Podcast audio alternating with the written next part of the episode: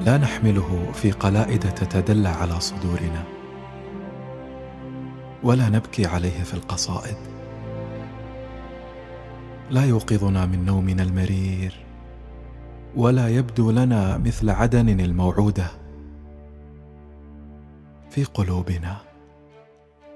لا نحاول جعله موضوعا لشجار الصفقات.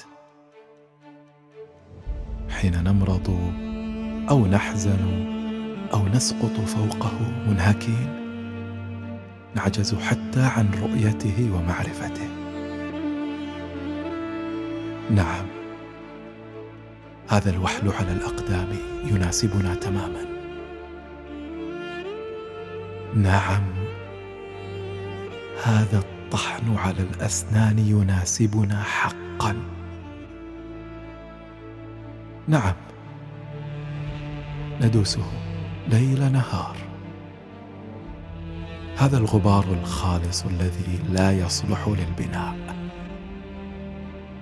لكننا نرقد فيه ولا نصير إلا